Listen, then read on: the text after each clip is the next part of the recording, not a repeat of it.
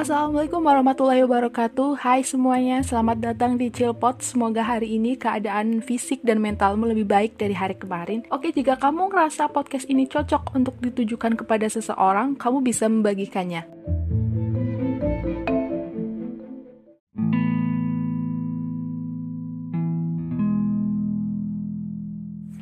Hai, untuk kalian yang lagi dengerin podcast ini, jika kalian perempuan, pernah nggak sih kalau lagi mau datang bulan atau lagi datang bulan itu kayak tiba-tiba pikirannya itu macem-macem. Entah itu gampang overthinking, masalah yang biasa jadi dibesar-besarin, gampang emosi, masalah yang tadinya nggak ada kayak diada-adain, yang jika hari biasanya tuh kita gampang pules pas tidur, tapi kalau lagi mau datang bulan atau fasenya lagi datang bulan, itu kayak susah tidur atau mungkin jam 12 tiba-tiba kebangun terus tiba-tiba langsung kepikiran sesuatu hal.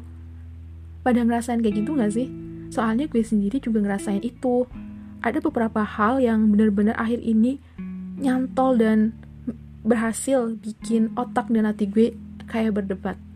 Hal pertama adalah jujur gue lagi seneng dan bahagia banget sama diri gue sendiri.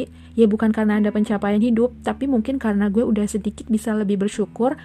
Saat ini gue mencoba untuk mencukupi akan kekurangan gue dan gue selalu bersyukur atas apa pun kelebihan yang udah gue punya.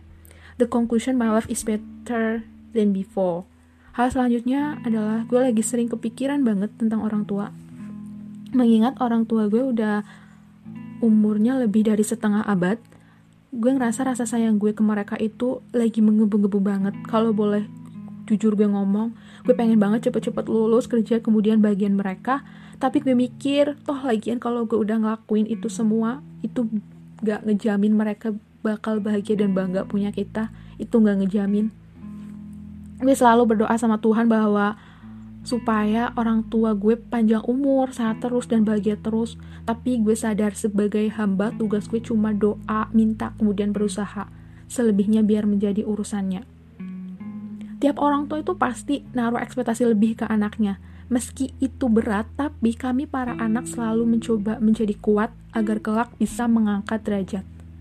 Hal lain yang nempel di pikiran gue sekarang adalah ketika gue ngeliat, ngedenger, lalu gue memperhatikan satu persatu circle pertemanan gue udah pada punya relationship yang jelas, entah apa pun namanya mau pacaran, lamaran, tunangan, atau mungkin menikah, apa pun.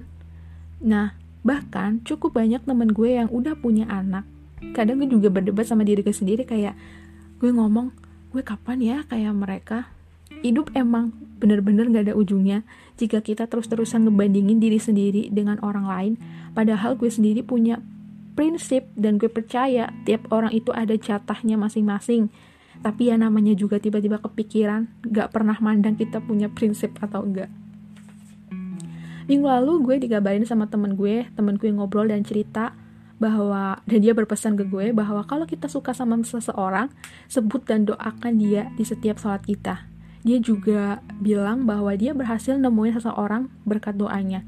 Dan dia menyuruh gue untuk coba ngelakuin hal itu. Menurut gue jika belum waktunya itu kita nggak bisa apa-apa sebagai seorang hamba, gue selalu minta kok yang terbaik sama Tuhan. Jika Tuhan gak ngizinin gue untuk ngerasain punya hubungannya bisa dibanggain kayak teman-teman gue di usia dewasa awal, gue minta sama Tuhan bahwa gue pengen punya hubungan yang bahagia banget setelah menikah. Mungkin level bahagianya itu di, di atas level bahagianya teman-teman gue. Jodoh adalah cerminan diri sendiri. Ya kalau kita pengen dapet yang baik ya perbaiki. Toh katanya yang baik akan ditemukan dengan yang baik dan gue yakin ditemukannya juga juga dengan cara yang terbaik.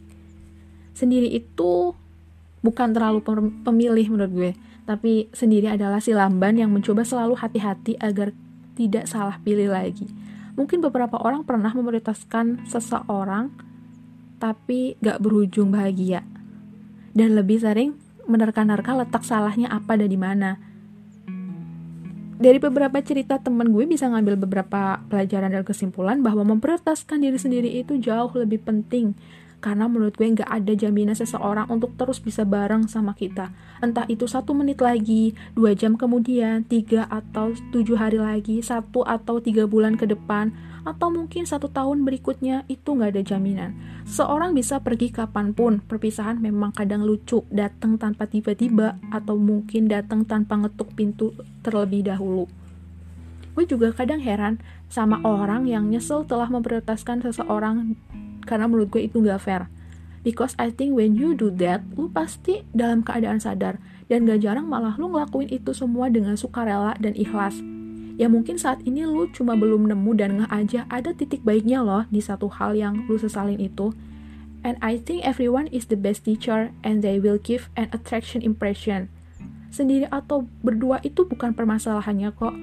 Sendiri atau berdua itu biasa. Menurut gue yang menjadi masalah adalah sendiri atau berdua sudahkah kalian temuin arti bahagia di dalamnya?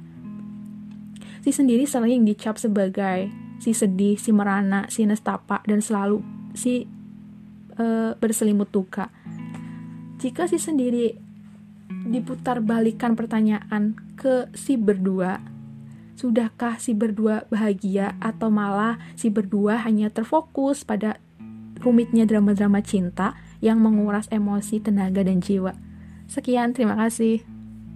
Semoga, hmm, semoga Semoga, semoga, semoga.